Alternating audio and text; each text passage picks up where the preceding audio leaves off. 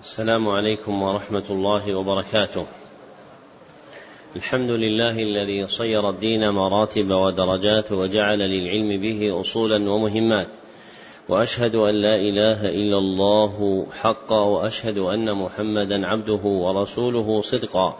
اللهم صل على محمد وعلى آل محمد كما صليت على إبراهيم وعلى آل إبراهيم إنك حميد مجيد أما بعد فحدثني جماعة من الشيوخ وهو أول حديث سمعته منهم بإسناد كل إلى سفيان بن عيينة عن عمرو بن دينار عن أبي قابوس مولى عبد الله بن عمرو عن عبد الله بن عمرو بن العاص رضي الله عنهما أن النبي صلى الله عليه وسلم قال: الراحمون يرحمهم الرحمن تبارك وتعالى، ارحموا من في الأرض يرحمكم في السماء، ومن آكد الرحمة رحمة المتعلمين بالمعلمين في تلقينهم أحكام الدين وترقيتهم في منازل اليقين، ومن طرائق هذه الرحمة إيقافهم على مهمات العلم بإقراء أصول المتون وتبيين مقاصدها الكلية ومعانيها الإجمالية. ليرتقي بذلك المبتدئون في تحصيلهم ويجد فيه المتوسطون ما يذكرهم ويطلع منه المنتهون إلى تحقيق مسائل العلم. وهذا شرح الكتاب الرابع من برنامج مهمات العلم في سنته الأولى وهو كتاب التوحيد لشيخ الإسلام إمام الدعوة الإصلاحية في جزيرة العرب محمد بن عبد الوهاب رحمه الله. وقد انتهى بنا البيان. إلى قوله باب ما جاء أن الغلو في قبور الصالحين يصيرها أوثانا تعبد من دون الله. نعم. صلى الله إليكم. بسم الله الرحمن الرحيم. الحمد لله رب العالمين وصلى الله وسلم وبارك على نبينا محمد وعلى آله وصحبه أجمعين. اللهم اغفر لنا ولوالدينا ولشيخنا وللمؤمنين. قال المؤلف رحمه الله تعالى باب ما جاء أن الغلو في قبور الصالحين يصيرها أوثانا تعبد من دون الله. مقصود الترجمة بيان أن الغلو في قبور الصالحين باتخاذها مساجد أو العكوف عليها أو الصلاة عندها يجعلها أوثانا تعبد من دون الله. لأن الغلو فيها يورث, يورث تأليه القلب لها شيئا فشيئا حتى تتناهى النفوس إلى عبادتها. والأوثان جمع وثن وهو اسم جامع لكل ما يعبد من دون الله. نعم. صلى الله عليكم روى مالك في الموطأ أن رسول الله صلى الله عليه وسلم قال اللهم لا تجعل قبري وثنا اللهم لا تجعل قبري وثنا يعبد. اشتد غضب الله على قوم اتخذوا قبور أنبيائهم مساجد. ولابن جرير بسنده عن سفيان عن منصور عن مجاهد أفرأيتم اللات والعزى؟ قال كان يلت لهم السويق فمات فعكفوا على قبره. وكذا قال أبو الجوزاء عن ابن عباس رضي الله عنهما كان يلت السويق للحاج. وعن ابن عباس رضي الله عنهما قال لعن رسول الله صلى الله عليه وسلم زائرات القبور والمتخذين عليها المساجد والسروج. رواه, أه رواه أهل السنن. ذكر المصنف رحمه الله لتحقيق مقصود الترجمة أربعة أدلة. فالدليل الأول حديث عطاء بن يسار أحد التابع أحد التابعين أن رسول الله صلى الله عليه وسلم قال: اللهم لا تجعل قبري وثنا يعبد. الحديث رواه مالك في الموطأ مرسلا وله شواهد يصح بها ودلالته على مقصود الترجمة في دعائه صلى الله عليه وسلم اللهم لا تجعل قبري وثنا يعبد. والإشارة إلى موجب ذلك في حق غيره من الأنبياء وهو اتخاذ أقوامهم قبورهم مساجدا كما قال في آخره اتخذوا قبور أنبيائهم مساجد. فإنهم لما غلوا في قبور أنبيائهم باتخاذها مساجد صارت أوثانا تعبد من دون الله عز وجل. والدليل الثاني أثر مجاهد رحمه الله في تفسير قوله تعالى أفرأيتم اللات والعزى؟ قال كان أي اللات كان يلت لهم السويق فمات الأثر رواه ابن جرير بإسناد صحيح. ودلالته على مقصود الترجمة في قوله فعكفوا على قبره أي أقاموا عنده تعظيما له على وجه القربة. فصار وثنا يعبد من دون الله. والدليل الثالث أثر ابن عباس رضي الله عنهما في تفسير الآية المذكورة قال كان يلت السويق للحاج رواه البخاري. والسويق دقيق الحنطة أو الشعير. ولته عجنه وخلطه وبله بالسمن ودلالته على مقصود الترجمة في كون اللات في كون اللات رجلا صالحا فغلوا فيه حتى عبدوه. كما هو معلوم في تاريخ العرب قبل الإسلام فإنهم عظموه لما رأوه من حسن صنيعته حتى عبدوه من دون الله عز وجل. والدليل الرابع حديث ابن عباس رضي الله عنهما قال لعن رسول الله صلى الله عليه وسلم زائرات القبور. الحديث رواه الأربعة وإسناده ضعيف. وللجملة الأولى منه شواهد تصح بها دون الجملة الثانية وهي اتخاذ السرج فليس في الباب ما يقويها.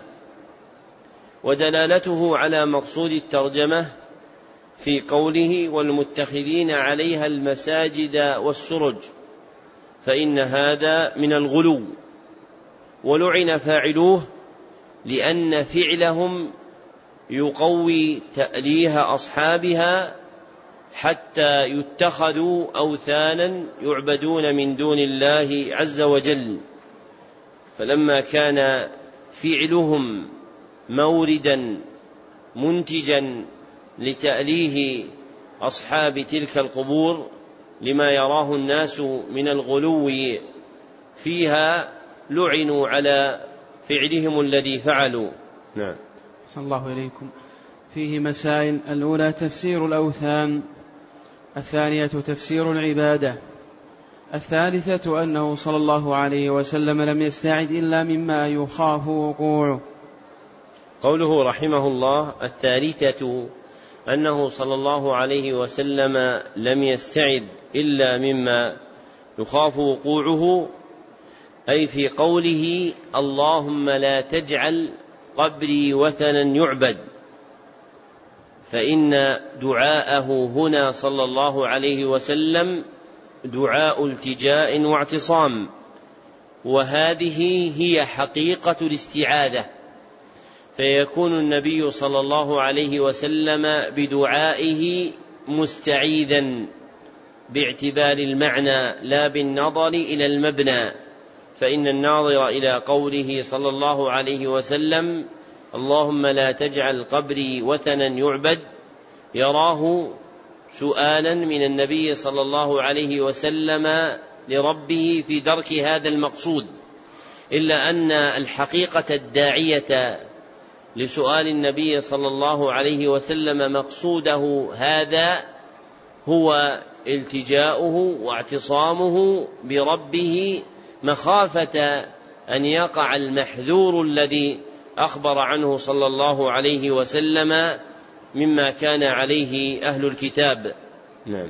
صلى الله إليكم الرابعة قرنه بهذا اتخاذ قبور الأنبياء مساجد. الخامسة ذكر شدة الغضب من الله. السادسة وهي من أهمها معرفة صفة عبادة اللات التي هي من أكبر الأوثان.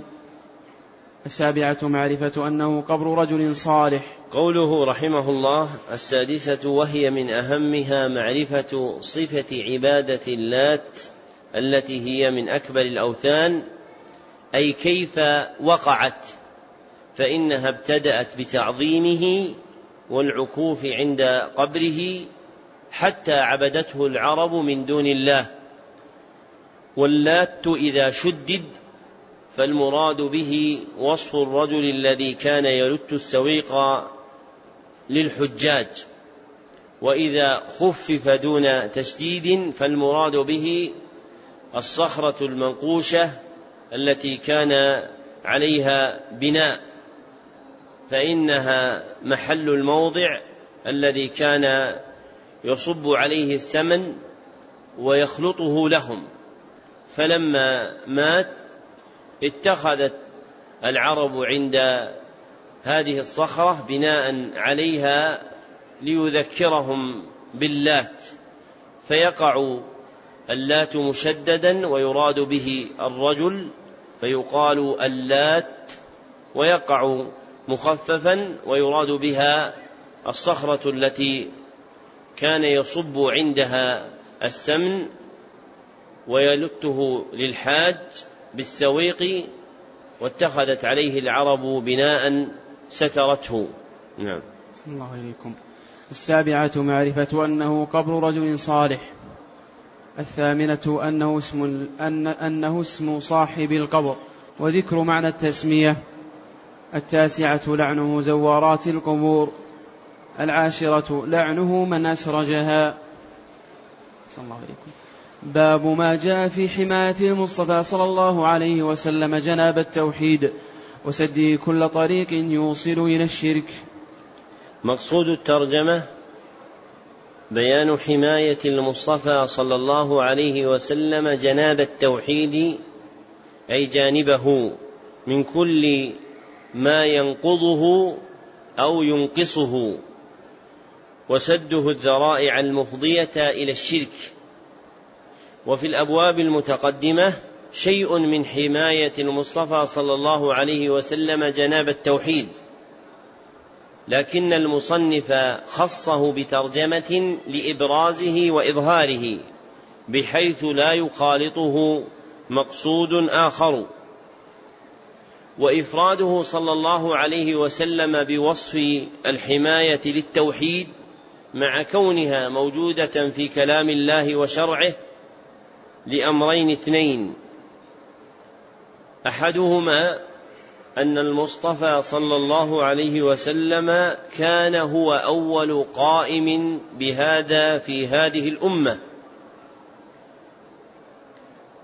والآخر أن كثيرا ممن زلت به قدمه في التوحيد أتي من قبل غلوه في المصطفى صلى الله عليه وسلم ورفعه له فوق القدر الذي جعله الله عز وجل له.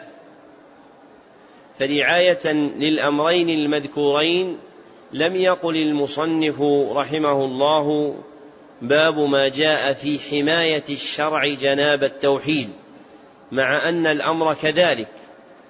وإنما خصه بالمصطفى صلى الله عليه وسلم دون سائر دلائل الشريعة للأمرين المذكورين. نعم. صلى الله إليكم. وقول الله تعالى لقد جاءكم رسول من أنفسكم عزيز عليه ما عنتم. الآية عن أبي هريرة رضي الله عنه قال قال رسول الله صلى الله عليه وسلم لا تجعلوا بيوتكم قبورا ولا تجعلوا قبري عيدا وصلوا علي فإن صلاتكم تبلغني حيث كنتم. رواه أبو داود بإسناد حسن ورواته ثقات. وعن علي بن الحسين أنه رأى رجلا يجيء إلى فرجة كانت عند قبر النبي صلى الله عليه وسلم. فيدخل فيها فيدعو فناهه وقال ألا أحدثكم حديثا سمعته من أبي عن جدي عن رسول الله صلى الله عليه وسلم قال لا تتخذوا قبري عيدا ولا بيوتكم قبورا فإن تسليمكم يبلغني أين كنتم رواه في المختارة. ذكر المصنف رحمه الله تعالى لتحقيق مقصود الترجمة ثلاثة أدلة. فالدليل الأول قوله تعالى لقد جاءكم رسول من أنفسكم الآية. ودلالته على مقصود الترجمة في قوله حريص عليكم أي على هدايتكم وحصول النفع لكم في العاجل والآجل. ومن أفراد ذلك حمايته صلى الله عليه وسلم جناب التوحيد وسده ذرائع الشرك. والدليل الثاني حديث أبي هريرة رضي الله عنه قال قال رسول الله صلى الله عليه وسلم لا تجعلوا بيوتكم قبورا الحديث رواه أبو داود بإسناد حسن وله شواهد يصحح بها ودلالته على مقصود الترجمة في قوله لا تجعلوا بيوتكم قبورا. وقوله ولا تجعلوا قبري عيدا. وقوله وصلوا علي فإن صلاتكم تبلغني حيث كنتم. فهذان نهيان وأمر منه صلى الله عليه وسلم كلها تبين حمايته جناب التوحيد وسده كل طريق يوصل إلى الشرك. فإنه صلى الله عليه وسلم نهى اولا عن جعل البيوت قبورا. بألا تعطل من الصلاة والدعاء وقراءة القرآن فتشبه القبور التي ليست محلا لذلك. فإن القبور لا تتحرى العبادة عندها لئلا تفضي إلى عبادة أصحابها. ونهى صلى الله عليه وسلم ثانية عن جعل قبره عيدا فلا يزار على وجه مخصوص في زمن مخصوص غلقا لباب الغلو المفضي إلى الشرك. ثم أمر صلى الله عليه وسلم بالصلاة عليه حيث كان المصلي لأن صلاة المصلي تبلغ النبي صلى الله عليه وسلم وإن بعد. فلا حاجة لما يتوهمه المصلي من طلب القرب منه. وهو يتضمن النهي عن الإكثار من زيارته صلى الله عليه وسلم لئلا يتخذ قبره عيدا. والدليل الثالث حديث الحسين بن علي حديث علي بن الحسين بن علي بن أبي طالب رحمه الله عن أبيه عن جده علي رضي الله عنه. وفيه القصة المذكورة رواه الضياء المقدسي في كتاب المختارة. وهو عند من هو أقدم منه كأبي يعلى الموصلي في مسنده فالعزو إليه أولى ولا سيما أن الضياء أخرجه مسندا من طريقه وإسناده صالح لا بأس به وله شواهد تقويه ودلالته على المقصود هي في جمله الثلاث.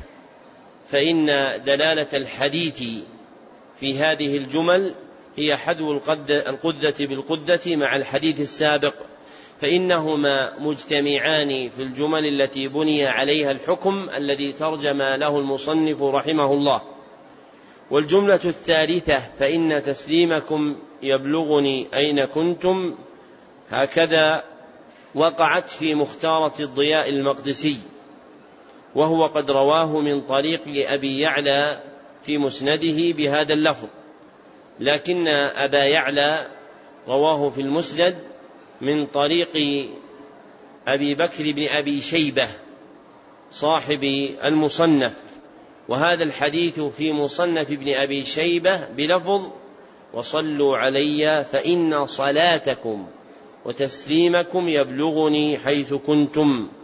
فجمع بين الصلاة والتسليم وهذا هو اللفظ التام. ولعل أبا يعلى الموصلي اختصره ثم رواه من طريقه الضياء المقدسي مختصرا. وإلا فمخرج الحديث تام كما ذكرنا وبه تمام المعنى. نعم. صلى الله عليكم فيه مسائل. الأولى تفسير آية براءة.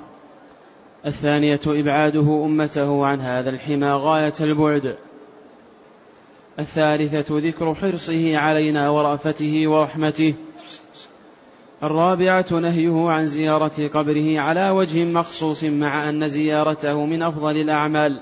قوله رحمه الله الرابعة نهيه عن زيارة قبره على وجه مخصوص مع أن زيارته من أفضل الأعمال لأن زيارة القبور على الوجه المشروع سنة. وقبره صلى الله عليه وسلم هو أفضل قبر على وجه الأرض واتباع السنن من أفضل الأعمال فالفضل راجع إلى العمل نفسه أي زيارة القبور وزيارة قبر النبي صلى الله عليه وسلم من بينها مندرجة في هذه السنة العظيمة. نعم. صلى الله إليكم الخامسة نهيه عن الإكثار من الزيارة. السادسة حثه على النافلة في البيت. السابعة أنه متقرر عندهم أنه لا يصلى في المقبرة. الثامنة تعليله ذلك بأن صلاة, بأن صلاة الرجل وسلامه عليه يبلغ وإن بعد. فلا حاجة إلى ما يتوهمه من أراد القرب.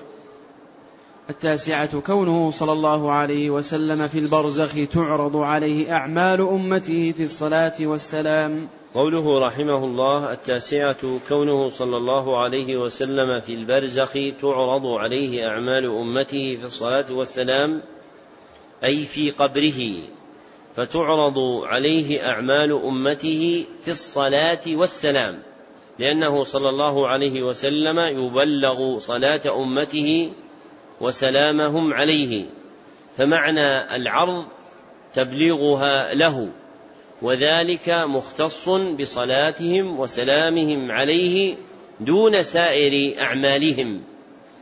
نعم. صلى الله إليكم. باب ما جاء أن بعض هذه الأمة يعبد الأوثان. مقصود الترجمة بيان وقوع الشرك في هذه الأمة. بعبادة بعضها الأوثان والرد على من زعم أنه لا يقع فيها شرك بعد بعثة النبي صلى الله عليه وسلم. نعم. صلى الله إليكم وقول الله تعالى ألم تر إلى الذين أوتوا نصيبا من الكتاب يؤمنون بالجبت والطاغوت وقوله قل هل أنبئكم بشر من ذلك مثوبة عند الله من لعنه الله وغضب عليه وجعل منهم القردة والخنازير وعبد الطاغوت وقوله قال الذين غلبوا على أمرهم لنتخذن عليهم مسجدا وعن أبي سعيد رضي الله عنه أن رسول الله صلى الله عليه وسلم قال لتتبعن سنن من كان قبلكم حذو القذة بالقذة حتى لو دخلوا حتى لو دخلوا جحر رب لدخلتموه قالوا يا رسول الله اليهود والنصارى قال فمن أخرجاه ولمسلم عن ثوبان رضي الله عنه أن رسول الله صلى الله عليه وسلم قال إن الله زوالي الأرض فرأيت مشارقها ومغاربها وإن أمتي سيبلغ ملكها ما زوي لي منها وأعطيت الكنزين الأحمر والأبيض. وإني سألت ربي لأمتي ألا يهلكها بسنة بعامة وألا يسلط عليهم عدوا من سوى أنفسهم. فيستبيح بيضتهم وإن ربي قال يا محمد إذا قضيت قضاء فإنه لا يرد وإني أعطيتك لأمتك ألا أهلكها بسنة بعامة وألا أسلط عليهم عدوا من سوى, من سوى أنفسهم فيستبيح بيضتهم. ولو اجتمع عليهم ولو اجتمع عليهم من بأقطارها حتى يكون بعضهم يهلك بعضا ويسبي بعضهم بعضا. ورواه البرقاني في صحيحه وزاد وإنما أخاف على أمة الأئمة المضلين وإذا وقع عليهم السيف لم يرفع إلى يوم القيامة ولا تقوم الساعة ولا تقوم الساعة حتى يلحق حي من أمتي بالمشركين وحتى تعبد فئام من, من أمة الأوثان. وإنه سيكون في أمتي كذابون ثلاثون كلهم يزعم أنه نبي وأنا خاتم النبيين لا نبي بعدي. ولا تزال طائفة من أمتي على الحق منصورة. لا يضرهم من خذلهم حتى يأتي أمر الله تبارك وتعالى. ذكر المصنف رحمه الله تعالى لتحقيق مقصود الترجمة خمسة أدلة. فالدليل الأول قوله تعالى ألم تر إلى الذين أوتوا نصيبا من الكتاب؟ الآية. ودلالته على مقصود الترجمة في قوله يؤمنون بالجبت والطاغوت. فإن أهل الكتاب من اليهود والنصارى آمنوا بالطاغوت وهو الشيطان فعبدوه لأنهم أطاعوه فيما سول لهم وزين من الشرك.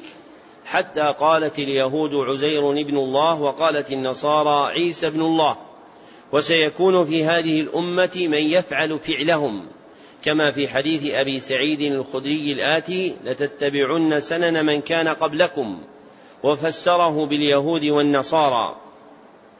والدليل الثاني قوله تعالى قل هل أنبئكم بشر من ذلك مثوبة عند الله؟ الآية.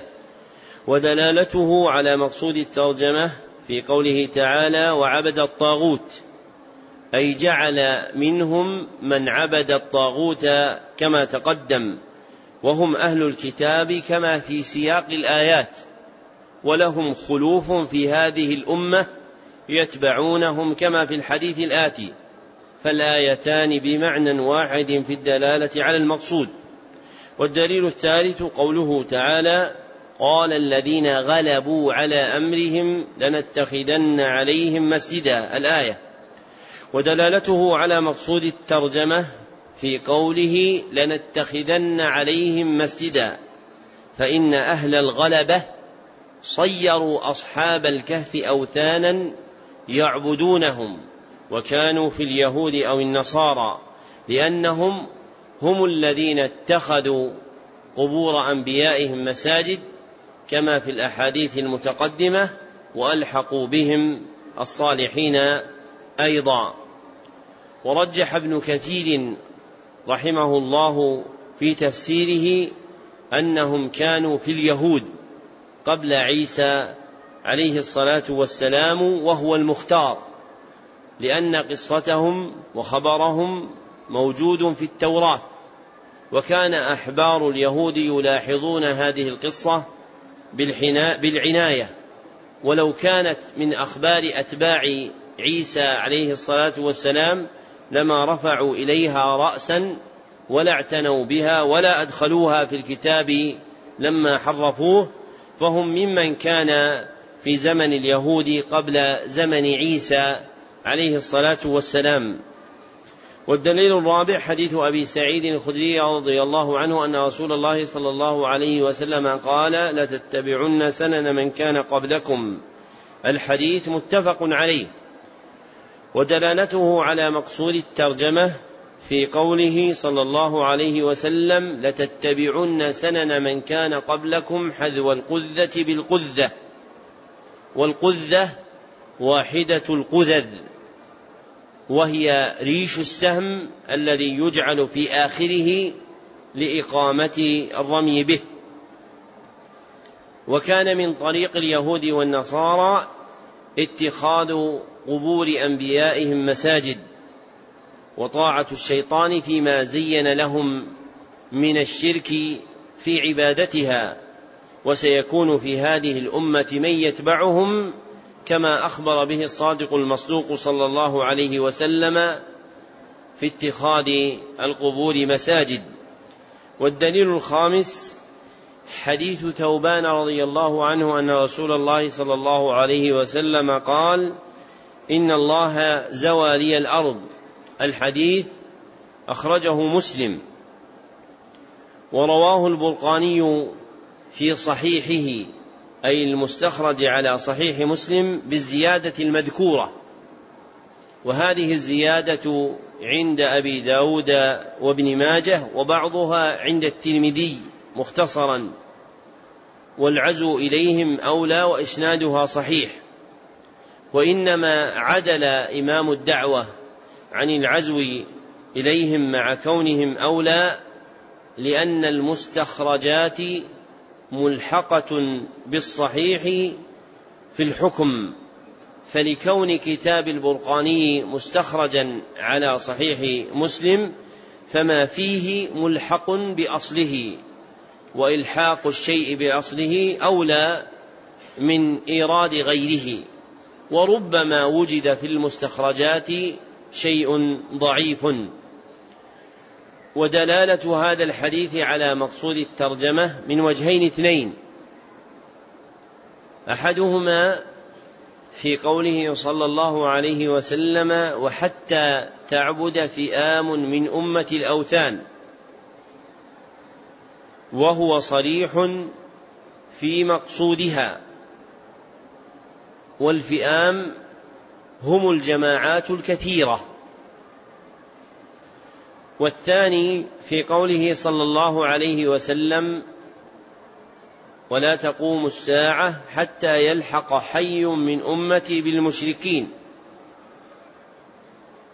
فهو خبر صادق عن لحوق حي من أمته صلى الله عليه وسلم بالمشركين والحي هو القبيلة. وفي رواية أبي داود وابن ماجه وحتى تلحق قبائل من أمتي بالمشركين. والقبائل في الأصل اسم لأهل جزيرة العرب لأن جرثومة العرب ومرجعهم هو إليها فالقبائل منها انتشرت إلى بقاع الأرض. ولحوق هذه القبائل بالمشركين يكون بالهجرة إليهم ومساكنتهم في بلدانهم والرضا بدينهم وعدم البراءة منهم. وذهب بعض أهل العلم إلى أن المقصود باللحوق هو الارتداد عن دين الإسلام ولو كانوا في منازلهم. والصحيح الأول كي تكون هذه الجملة تاسيسا لمعنى آخر غير مؤكدة لما في الجملة الأخرى المتقدمة عليها بل تكون كل واحدة من الجملتين مشتملة على معنى آخر. فالصحيح في معنى قوله صلى الله عليه وسلم وحتى تلحق قبائل أم من أمتي بالمشركين أي بالخروج إلى أرضهم ومساكنتهم فيها والرضا بدينهم. نعم. صلى الله عليكم. الأولى فيه مسائل. الأولى تفسير آية النساء. الثانية تفسير آية المائدة. الثالثة تفسير آية الكهف الرابعة وهي أهمها ما معنى الإيمان بالجبت والطاغوت في هذا الموضع؟ هل هو اعتقاد قلب أو هو موافقة أصحابها مع بغضها ومعرفة بطلانها؟ قوله رحمه الله الرابعة وهي أهمها ما معنى الإيمان بالجبت والطاغوت في هذا الموضع؟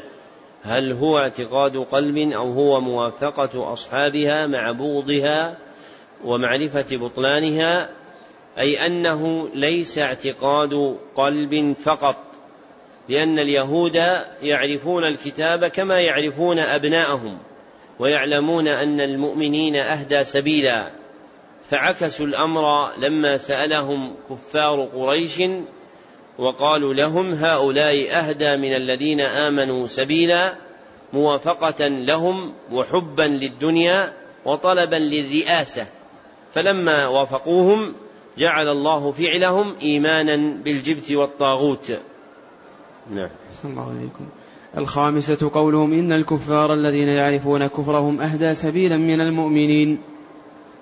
السادسة وهي المقصودة بالترجمة أن هذا لا بد أن يوجد في هذه الأمة كما تقرر في حديث أبي سعيد. السابعة تصريحه بوقوعها أعني عبادة الأوثان في, في هذه الأمة في جموع كثيرة. الثامنة العجب العجاب خروج من يدعي النبوة مثل المختار مع تكلمه بالشهادتين. وتصريحه أنه من هذه الأمة وأن الرسول حق وأن القرآن حق وفيه أن محمدا خاتم النبيين. ومع هذا يصدق في هذا كله مع التضاد مع التضاد الواضح. وقد خرج المختار في آخر عصر الصحابة وتبعه فئام كثيرة. التاسعة البشارة بأن الحق لا يزول, لا يزول بالكلية كما زال فيما مضى بل لا تزال عليه طائفة. العاشرة الآية العظمى أنهم مع قتلهم لا يضرهم من الله إليكم. العاشرة الآية العظمى أنهم مع قلتهم لا يضرهم من خذلهم ولا من خالفهم. الحادية عشرة أن ذلك من أشراط الساعة. الثانية عشرة ما فيه من الآيات العظيمة منها ما فيه من الآيات العظيمة منها إخباره بأن الله زواله المشارق والمغارب وأخبر بمعنى ذلك فوقع كما أخبر بخلاف الجنوب والشمال وإخباره بأنه أعطي الكنزين وإخباره بإجابة دعوته لأمته في الاثنتين وإخباره بأنه منع الثالثة وإخباره بأنه منع الثالثة وإخباره بوقوع السيف وأنه لا يرفع إذا وقع وإخباره بإهلاك بعضهم بعضا وسبي بعضهم بعضا وخوفه على أمته من الأئمة المضلين وإخباره بظهور المتنبئين في هذه الأمة وإخباره ببقاء الطائفة المنصورة وكل هذا وقع كما أخبر مع أن كل واحدة منها من أبعد ما يكون في العقول. الثالثة عشرة حصره الخوف على أمته من, من الأئمة المضلين. الرابعة عشرة التنبيه على معنى عبادة الأوثان. قوله رحمه الله الرابعة عشرة التنبيه على معنى عبادة الأوثان أي أنها لا تختص بالأصنام كما كانت كما كان عليه مشرك العرب بل كل معبود من دون الله فهو وثن. نعم. صلى الله عليكم. باب ما جاء في السحر. مقصود الترجمة بيان ما جاء في السحر من الوعيد.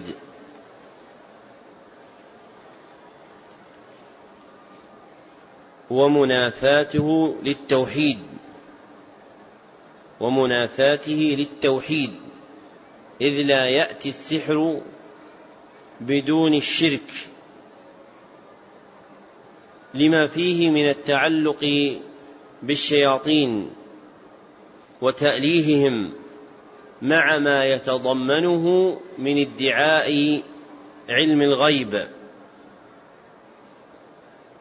والسحر ليس له حقيقة شرعية بل له حقيقة اصطلاحية. والمراد بالحقيقة الاصطلاحية ما تعارف عليه الساحرة عند العرب. فإن السحر عند العرب من طرائق التطبيب والمداواة ثم توسع عندهم فله حقيقة اصطلح عليها السحرة ورتبت عليها الأحكام الشرعية وهو موجود قبل الإسلام فلا يصح أن يعرف السحر فيقال السحر شرعا لأن هذا القيد أعني شرعا يختص بالحقائق الشرعية دون المواضعات الاصطلاحية. والسحر مواضعة اصطلاحية تواطأ عليها المشتغلون به وهم السحرة وكان ابتداؤه تطببا ثم اتسع. والسحر اصطلاحا رقا ينفث فيها مع الاستعانة بالشياطين. رقا ينفث فيها مع الاستعانة بالشياطين. وهذا المعنى هو المراد عند الإطلاق في كلام الله وكلام رسوله صلى الله عليه وسلم. فأل في كلمة السحر الواردة في الترجمة عهدية أي السحر بمعناه المعهود المطلق عليه في الكتاب والسنة وهو الرقى التي ينفث فيها مع الاستعانة بالشياطين. فإذا وجدت كلمة السحر في الخطاب الشرعي فالمراد بها المعنى المذكور. إلا أن تأتي قرينة تخرجها عن هذا المعنى إلى المعنى اللغوي. ومن يجعل السحر أنواعا باعتبار الوضع الشرعي ثم يرتب عليه أحكاما فهو مخطئ في صنيعته لأن السحر الذي أنيطت به الأحكام وعلقت به الدلائل هو السحر المعروف عند العرب بالمعنى السالف وهو الرقى التي ينفث فيها مع الاستعانة بالشياطين فالسحر له حقيقة اصطلاحية واحدة وما عداها فيرجع إلى المعنى اللغوي كما سيأتي فيما يستقبل. نعم. صلى الله إليكم. وقول الله تعالى ولقد علموا لمن اشتراه ما له في الآخرة من خلاق وقوله يؤمنون بالجبت والطاغوت قال عمر الجبت السحر والطاغوت الشيطان. وقال جابر الطواغيت كهان كان ينزل عليهم الشيطان في كل حي واحد. عن أبي هريرة رضي الله عنه أن رسول الله صلى الله عليه وسلم قال اجتنبوا السبع الموبقات قالوا يا رسول الله وما هن؟ قال الشرك بالله والسحر وقتل النفس التي حرم الله إلا بالحق. وأكل الربا وأكل مال اليتيم والتولي يوم الزحف وقذف المحصنات الغافلات المؤمنات. وعن جندب مرفوعا حد السي وحد الساحر ضربه بالسيف. رواه الترمذي وقال الصحيح أنه موقوف. وفي صحيح البخاري عن بجالة بن عبدة قال كتب. أحسن الله إليكم. وفي صحيح البخاري عن بجالة بن عبدة قال كتب عمر بن الخطاب أن اقتلوا كل ساحر وساحرة. قال فقتلنا ثلاث سواحر. وصح عن حفصة رضي الله عنها أنها أمرت بقتل جارية لها سحرتها فقتلت. وكذا صح عن جندب. قال أحمد عن ثلاثة من أصحاب رسول الله صلى الله عليه وسلم. ذكر المصنف رحمه الله تعالى لتحقيق مقصود الترجمة سبعة أدلة. فالدليل الأول قوله تعالى ولقد علموا لمن اشتراه. الآية. ودلالته على مقصود الترجمة في قوله ما له في الآخرة من خلاق أي حظ من الخير في الآخرة. ومعنى الآية لقد علمت اليهود الذين استبدلوا السحر بكتاب الله فنبذوه وراءهم ظهريا بأنه ليس لمن اختار السحر ورضي به نصيب في الآخرة. ونفي الحظ من الخير في الآخرة عن متعاطيه دليل على حرمته بل دليل على كونه كفرا. لأن نفي الخلاق مخصوص في الخطاب الشرعي بأهل الكفر والسحر من أعمالهم فهو كفر. فإذا وجدت آية أو حديثا تضمن نفي الخلاق فالمراد نسبة ما فيه من فاعل أو فعل إلى الكفر والشرك. فالآية دالة على كون السحر كفرا لنفي الخلاق عن متعاطيه. فإن الخلاق هو النصيب من الخير في الآخرة. ولا ينفى إلا عن كافر خارج عن الملة. والدليل الثاني قوله تعالى يؤمنون بالجبت والطاغوت الآية. ودلالته على مقصود الترجمة في قوله بالجبت والطاغوت. فعلى تفسير عمر الذي رواه ابن جرير بسند حسن الجبت هو السحر يكون معنى الآية يؤمنون بالسحر وبالشيطان.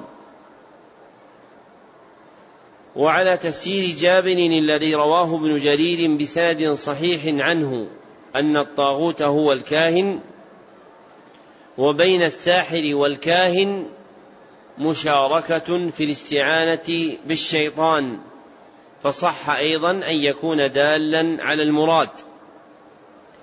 والآية في ذم اليهود. وإنما يكون الذم على ترك واجب أو فعل محرم وهنا ذموا على فعل محرم وهو إيمانهم بالسحر وركونهم إليه علما وعملا. ومما ينبغي عقله أن أثر جابر رضي الله عنه هو في تفسير قوله تعالى يريدون أن يتحاكموا إلى الطاغوت وجعله المصنف في تفسير الآية الأخرى يؤمنون بالجبت والطاغوت لذكر الطاغوت فيهما فهو من قبيل إلحاق النظير بالنظير وهذا من طرائق أهل الأثر في التفسير فإنهم قد ينقلون أثرا مرويا في تفسير آية إلى آية أخرى لاشتمال الآيتين على المعنى المقصود الذي فسر في أحدهما بشيء مأثور فيكون مجعولا فيهما معا. والدليل الثالث حديث أبي هريرة رضي الله عنه أن رسول الله صلى الله عليه وسلم قال اجتنبوا السبع الموبقات الحديث متفق عليه. ودلالته على مقصود الترجمة في عده صلى الله عليه وسلم السحر من الموبقات أي المهلكات المأمور باجتنابهن. فهو من كبائر الذنوب المحرمة. والدليل الرابع حديث جندب رضي الله عنه مرفوعا حد الساحر ضربه بالسيف. رواه الترمذي وصحح وقفه وهو الصواب. ودلالته في كون الساحر يقتل بالسيف. ولا يقتل العبد إلا في ترك واجب أو فعل محرم. وقتله إن كان مسلما فلارتداده على الصحيح فيكون قد فعل فعلا محرما قتل عليه ردة. والدليل الخامس والسادس والسابع ما صح عن ثلاثة من الصحابة هم عمر وابنته حفصة وجندب بن عبد الله رضي الله عنهم أن الساحر يقتل ولا يكون القتل إلا في ترك واجب أو فعل محرم كما سلف. وأثر عمر رواه أبو داود وأصله عند البخاري لكن لم يخرج هذا اللفظ.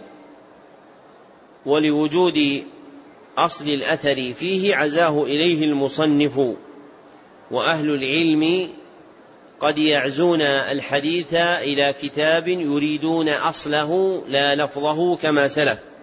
وأثر حفصة رواه البيهقي في السنن الكبرى وأثر جندب رواه البخاري في التاريخ الكبير وكلها صحيحة عنهم. فهو عن ثلاثة من أصحاب النبي صلى الله عليه وسلم لا يعلم لهم مخالف في أن الساحر يقتل. نعم. صلى الله إليكم فيه مسائل. الأولى تفسير آية البقرة. الثانية تفسير آية النساء. الثالثة تفسير الجبت والطاغوت والفرق بينهما. قوله رحمه الله الثالثة تفسير الجبت والطاغوت والفرق بينهما أي بالأثر الوارد عن عمر رضي الله عنه فإنه جعل الجبت السحر. والأصل أن الجبت في لسان العرب ما لا خير فيه من عمل والسحر لا خير فيه. أما الطاغوت فهو الشيطان إذا أطلق وله معنى آخر أعم كما سبق وهو كل ما تجاوز به العبد حده من معبود أو متبوع أو مطاع. والذي يدل عليه تاريخ اليهود أنهم يؤمنون بالجبت أي السحر وبالطاغوت أي الشيطان. فتفسير عمر هو أصح التفاسير المذكورة في هذه الآية. نعم. صلى الله عليكم الرابعة أن الطاغوت قد يكون من الجن وقد يكون من الإنس. الخامسة معرفة السبع الموبقات المخصوصة بالنهي. السادسة أن الساحر يكفر. السابعة يقتل ولا يستتاب. قوله رحمه الله السابعة يقتل ولا يستتاب أي الساحر لأن الصحابة الذين صح عنهم قتله أمروا بقتله ولم يذكروا استتابة. نعم. صلى الله عليكم. الثامنة وجود هذا في المسلمين على عهد عمر فكيف بعده؟ باب بيان شيء من أنواع السحر. مقصود الترجمة بيان شيء من أنواع السحر مما يشمله اسمه في اللغة.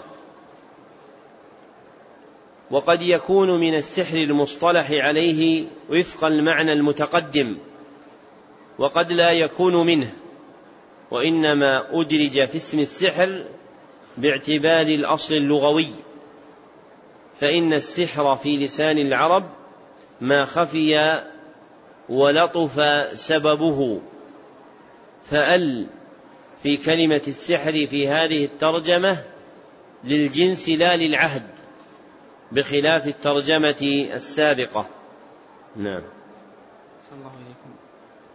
قال أحمد حدثنا محمد بن جعفر قال حدثنا عوف عن حيان بن عن حيان بن العلاء قال حدثنا قطن بن قبيصة عن أبيه أنه سمع النبي صلى الله عليه وسلم قال إن العيافة والطرق والطيرة من الجبت قال عوف العيافة زجر الطير والطرق الخط يخط بالأرض والجبت قال الحسن رنة الشيطان. إسناده جيد ولأبي داود والنسائي وابن حبان في صحيحه المسند منه. وعن ابن عباس رضي الله عنهما قال قال رسول الله صلى الله عليه وسلم من اقتبس شعبة من النجوم فقد اقتبس شعبة من السحر. زاد ما زاد رواه أبو داود بإسناد صحيح. وللنسائي من حديث أبي هريرة رضي الله عنه من عقد عقدة ثم نفث فيها فقد سحر ومن سحر فقد أشرك ومن تعلق شيئا وكل إليه. وعن ابن مسعود رضي الله عنه أن رسول الله صلى الله عليه وسلم قال ألا هل أنبئكم ما العض هي النميمة القالة بين الناس. رواه مسلم. ولهما عن ابن عمر رضي الله عنهما أن رسول الله صلى الله عليه وسلم قال إن من البيان لسحرا. ذكر المصنف رحمه الله تعالى لتحقيق مقصود الترجمة خمسة أدلة. فالدليل الأول حديث قبيصة الهلالي رضي الله عنه أن النبي صلى الله عليه وسلم قال إن العيافة والطرق والطيرة من الجبت رواه أبو داود والنسائي وإسناده ضعيف. ودلالته على مقصود الترجمة في قوله صلى الله عليه وسلم إن العيافة والطرق والطيرة. فذكر ثلاثة أشياء. أحدها العيافة وهي زجر الطير أي بعثها وتحريكها والاعتبار بأوصافها وأسمائها ومساقطها وأصواتها وألوانها. وربما أطلقت العيافة على إرادة معنى الحدس والتخمين في الخبر عما يكون مستدلا بما كان وهي في الأول أكثر وأشهر. فكان في العرب من يستدل على ما سيكون بما يتبدى له مما له به معرفة كالطير في لونها أو اسمها أو حركتها فيستدلون بها على أمر تراد معرفته. وثانيها الطرق وهو الضرب بالحصى والخط في الرمل لمعرفة المغيبات وهو الضرب بالحصى والخط في الرمل لمعرفة المغيبات. فالمذكور في قول عوف الطرق الخط يخط بالأرض هو بعض معناه وإلا فإنه يشمل الخط في الرمل والضرب في الحصى والضرب بالحصى وهو في الثاني أشهر وأكثر والمختص عندهم بالطرق من الأرض هو الرمل فإنهم كانوا يقصدون الرمل دون غيره فيرسمون عليه خطوطا على صفة معينة يستدلون بها على المغيبات. ومنه قيل لمن يخط فيه مدعيا الغيب رمالا وثالثها الطيره وهي اسم لكل ما يحمل على الإقدام أو الإحجام. وقد جعل النبي صلى الله عليه وسلم هذه الثلاثة كلها من الجبت. وتقدم أن عمر فسره بالسحر فكأن معنى الحديث إن العيافة والطرق والطيرة من السحر. فظهر مقصود الترجمة بما ذكرنا وأن هذه المعدودات هي من أنواع السحر. وقول الحسن رحمه الله تعالى مفسرا الجبت رنة الشيطان يرجع إلى ما ذكره عمر بن الخطاب. فإن الرنة هي الصوت الشديد وأكثر ما تطلق فيما كان بحزن. فإن أريد بها الصوت فقط فمعناه أن هؤلاء المذكورات من عمل الشيطان فإنه صوت بهن وحث عليهن ورغب الخلق فيهن. وإن كانت الرنة هي الصيحة الحزينة فمعناه أن الشيطان حزن لما أخرج من الجنة وأبعد باللعن عن ربه فحمله ذلك على الكيد في إضلال الخلق ومن كيده إضلالهم بهؤلاء المذكورات. ويصدق هذا قول الله عز وجل واتبعوا ما تتلو الشياطين, الشياطين على ملك سليمان وما كفر سليمان ولكن الشياطين كفروا. فالسحر من فعل الشيطان وعمله فإنه زين للناس بعد موت سليمان عليه الصلاة والسلام السحر فشاع السحر بينهم بعمل الشيطان. ووقع في المسند في هذا اللفظ إنه الشيطان في قول الحسن فادعي أن ما في كتاب التوحيد مصحف.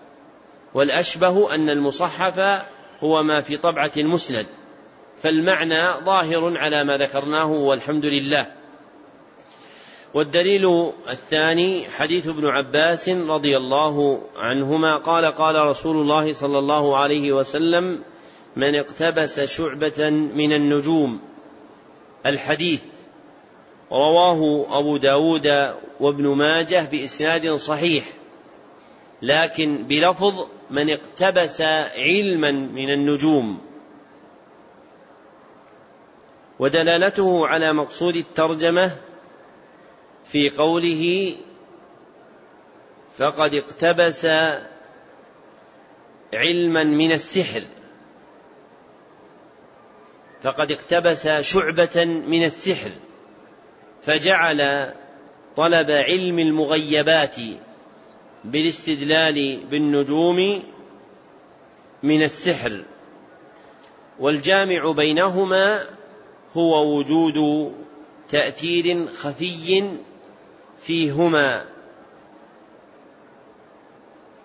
فيكون التنجيم المراد بالذكر هنا هو تنجيم التأثير كما سيأتي. فتنجيم التأثير هو الذي يعد من شعب السحر دون تنجيم التسيير. والدليل الثالث حديث أبي هريرة رضي الله عنه قال قال رسول الله صلى الله عليه وسلم من عقد عقدة ثم نفت فيها فقد سحر ومن سحر فقد أشرك ومن تعلق شيئا وكل إليه. رواه النسائي بهذا التمام بإسناد ضعيف والصواب أنه مرسل عن الحسن. ودلالته على مقصود الترجمة في قوله من عقد عقدة ثم نفث فيها فقد سحر. أي نفث فيها مستعينا بالشياطين وعقد عليها. ويسمى هذا بسحر العقد. وهو من جملة ما يندرج في حقيقة السحر المتقدمة. والدليل الرابع حديث ابن مسعود رضي الله عنه أن رسول الله صلى الله عليه وسلم قال ألا هل أنبئكم ما العضه؟ الحديث رواه مسلم. ودلالته على مقصود الترجمة في قوله ما العضه؟ أي ما السحر؟ فإن العضه اسم من أسماء السحر. ثم بينه صلى الله عليه وسلم فقال هي النميمة أي القالة الكائدة بين الناس التي تفرق بينهم. وعدت النميمة من السحر باعتبار المعنى اللغوي لوجهين اثنين. أحدهما باعتبار مبدئها فإنها تكون في خفاء وكذلكم السحر يكون في خفاء. والثاني باعتبار منتهاها لأنها تفرق بين الناس والسحر يفرق بينهم. والدليل الخامس حديث عبد الله بن عمر رضي الله عنه أن رسول الله صلى الله عليه وسلم قال إن من البيان لسحرا وهو عند البخاري دون مسلم ودلالته على مقصود الترجمة هي في جعل البيان المعرب عن المقصود من جملة السحر. وهذا الحديث خرج مخرج الدم فإن القصة دالة على أن المتكلم كان متكلما بما يشبه على الناس فذم فعله وجعل من قبيل السحر باعتبار أثره الناشئ عنه. فإن البيان الملبس على الناس يفرقهم عن الحق. كما أن السحر يفعل ذلك فيهم. فصار سحرا باعتبار المآل والمنتهى. ومجموع ما ذكره المصنف في هذا الباب من أنواع السحر سبعة. هي العيافة والطرق والتنجي والطيرة والتنجيم التأثيري والعقد المنفوت فيها والنميمة والبيان المموه وكلها محرمة. نعم. أحسن الله إليكم. فيه مسائل. الأولى أن العيافة والطرق والطيرة من الجبت. الثانية تفسير العيافة والطرق. الثالثة أن علم النجوم من نوع السحر. الرابعة العقد مع النفث من ذلك. الخامسة أن النبي قوله رحمه الله الثالثة أن علم النجوم من نوع السحر المراد به منه تنجيم التأثير كما سيأتي دون تنجيم التسيير. نعم. صلى الله عليكم الرابعة العقد مع النفث من ذلك. الخامسة أن النميمة بين الناس من ذلك السادسة أن من ذلك بعض الفصاحة. قوله رحمه الله السادسة أن من ذلك بعض الفصاحة أي الفصاحة الملبسة للحق بالباطل. فما كان ذلك كذلك فإنه معدود في السحر. ونتوقف ثم نكمل بعد الأذان لقربه. نعم. نعم. صلى الله إليكم. باب ما جاء في الكهان ونحوهم. مقصود الترجمة بيان ما جاء في الكهان ونحوهم من الوعيد الشديد والتغليظ الأكيد. والكهان جمع كاهن وهو الذي يخبر عن المغيبات بالأخذ عن مسترق السمع من الجن. سمي كاهنا لأنه يتكهن الأخبار ويتوقعها. والمراد بقوله ونحوهم أي ممن له ذكر في الباب عنده. وهم العراف والمنجم والرمال.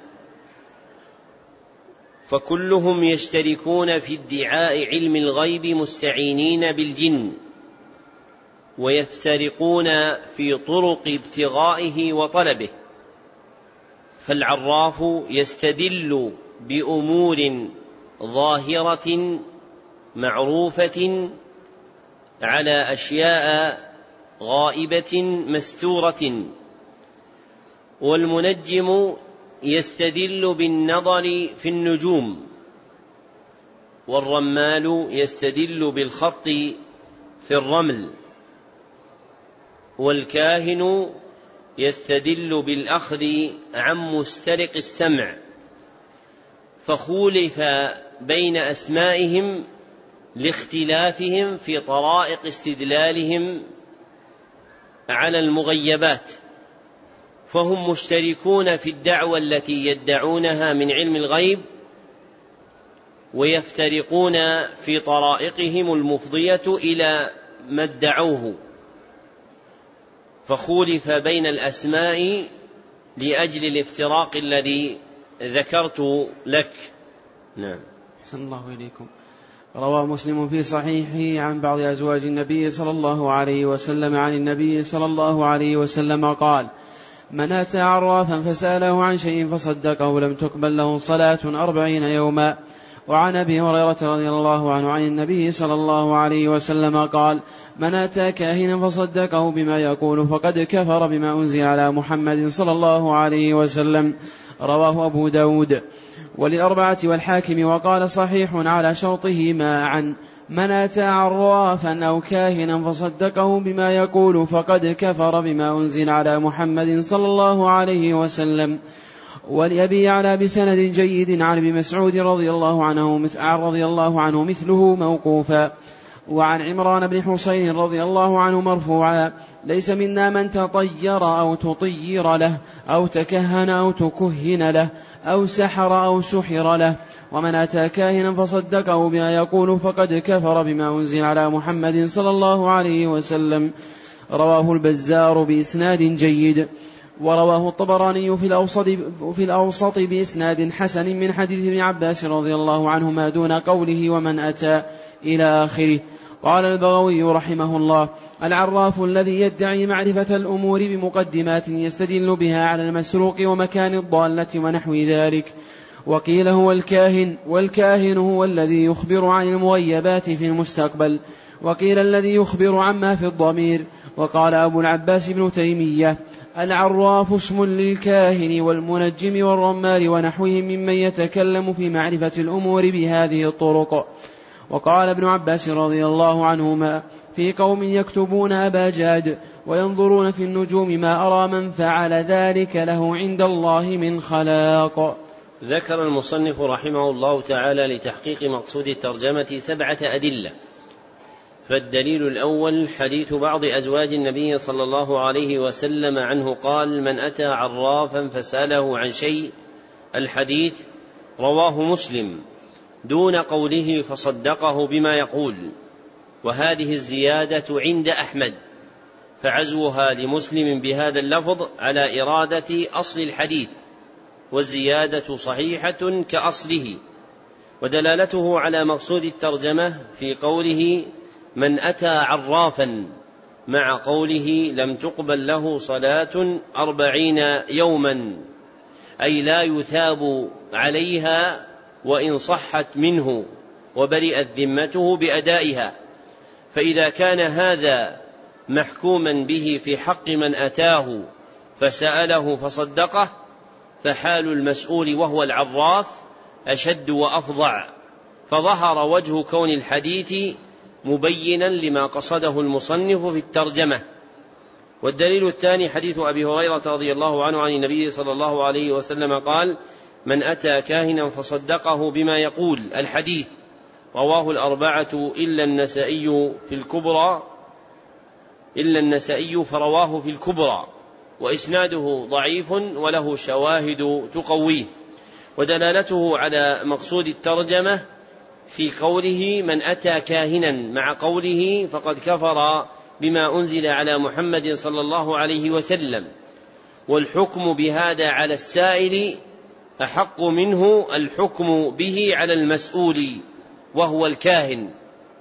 والكفر هنا هو الأصغر جمعا بين الحديثين السابق وهذا لأن صحة الصلاة منه وإن لم يثب عليها دالة على كونه مسلما. وذهب بعض أهل العلم إلى التفريق بين حالين اثنتين أولاهما حال من سأله فلم يصدقه فجزاؤه عدم قبول صلاته والثانية حال من سأله فصدقه فجزاؤه ما في الحديث الثاني فقد كفر بما أنزل على محمد وصيروا الكفر حينئذ أكبر. وهذا إنما يسلم لهم لولا الزيادة التي عند أحمد. فإن الزيادة التي عند أحمد تجعل مناط الحكم واحدا. ففي الحديث الأول من أتى عرافا فسأله عن شيء فصدقه بما يقول هو المناط نفسه في الحديث الثاني من أتى كاهنا فصدقه بما يقول فحكم عليه في الأول بأنه لا تقبل له صلاة أربعين يوما وفي الثاني بأنه كفر بما أنزل على محمد صلى الله عليه وسلم. ولا بد أن يكون الكفر حينئذ أصغر وإلا لم تقبل منه الصلاة أصلا. ولو كانت الزيادة المذكورة ضعيفة لأمكن المصير إلى هذا القول والتفريق بين الحالين بما ذكره بعض أهل العلم. وهذه الزيادة صحيحة لا ريب فيها وحينئذ فيكون الكفر المذكور في هذا الحديث هو الكفر الأصغر. وليس مناط المسألة كما يظن اعتقاد أن الكاهن يعلم الغيب فإن هذا الاعتقاد لا يختص بالكاهن. بل من اعتقد أن محمدا صلى الله عليه وسلم يعلم الغيب فقد كفر كفرا أكبر لأن علم الغيب مخصوص بالله وحده.